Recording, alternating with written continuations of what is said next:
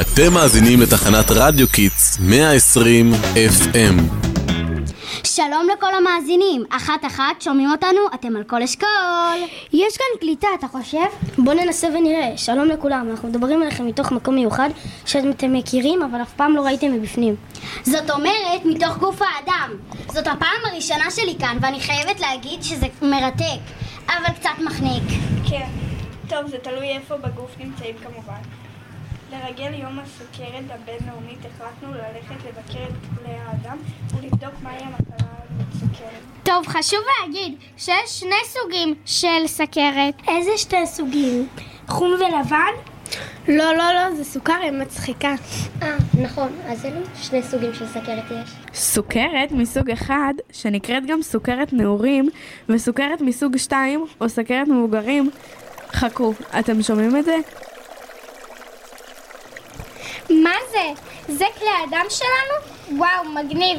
לאן הם מסיעים את הדם כל כך מהר? מהלב ואל הלב.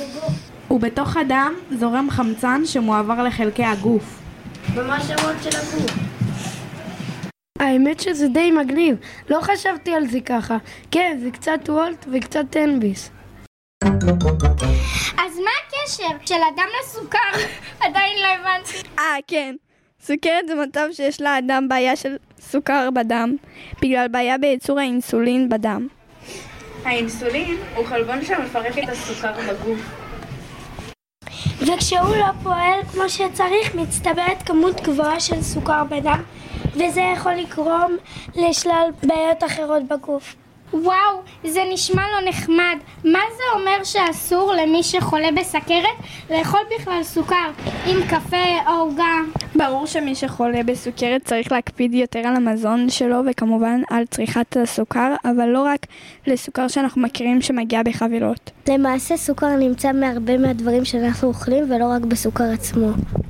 כמעט בכל דבר שאנחנו אוכלים יש כמות מסוימת של סוכר. פירות, ירקות ועוד. בפחמימות יש כמות גבוהה של סוכרים.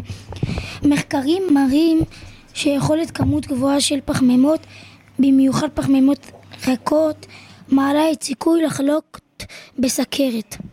אז מה עושה מי שחולה כבר? איך אפשר לחיות עם המחלה? זה מאוד תלוי בסוג הסכרת שיש לך, ובתפקוד של הלבלב. הלבלב זה כמו לב קטן. לא, לא, זה סוג אחר של איבר. איך הוא נראה? אני אומר, בוא נלך לבקר בלבלב ונראה. איך נגיע לשם? אולי ניקח טרמפ על אחד מכלי הדם? יאללה, בוא נעצור, מונית. וואו, איזה מהר זה. היי, חבר'ה, תראו, יצאנו מכלי הדם. מה זה החלל הזה? זאת הקיבה. אפשר לראות כל מה שנאכל ארוחת הצהריים. נראה לי שהגוף הזה רעב. מכאן הדרך ללבלב ממש קצרה. הנה, הגענו. זה הלבלב, חשבתי שיהיה יותר גדול.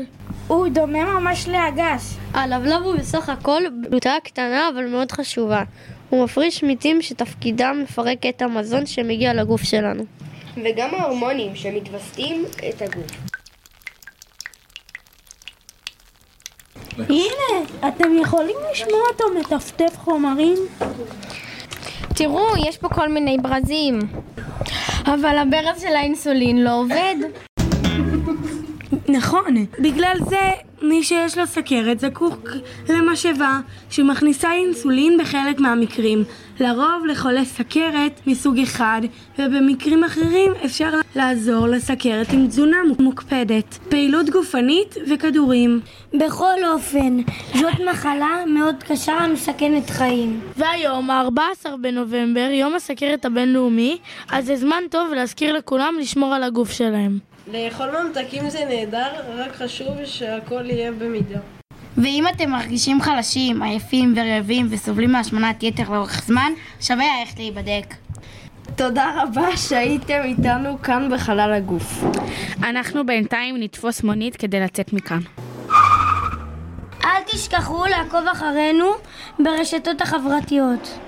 אנחנו בתחנת רדיו קיט, בכל אשכול, רדיו שמשדר לגל שלכם.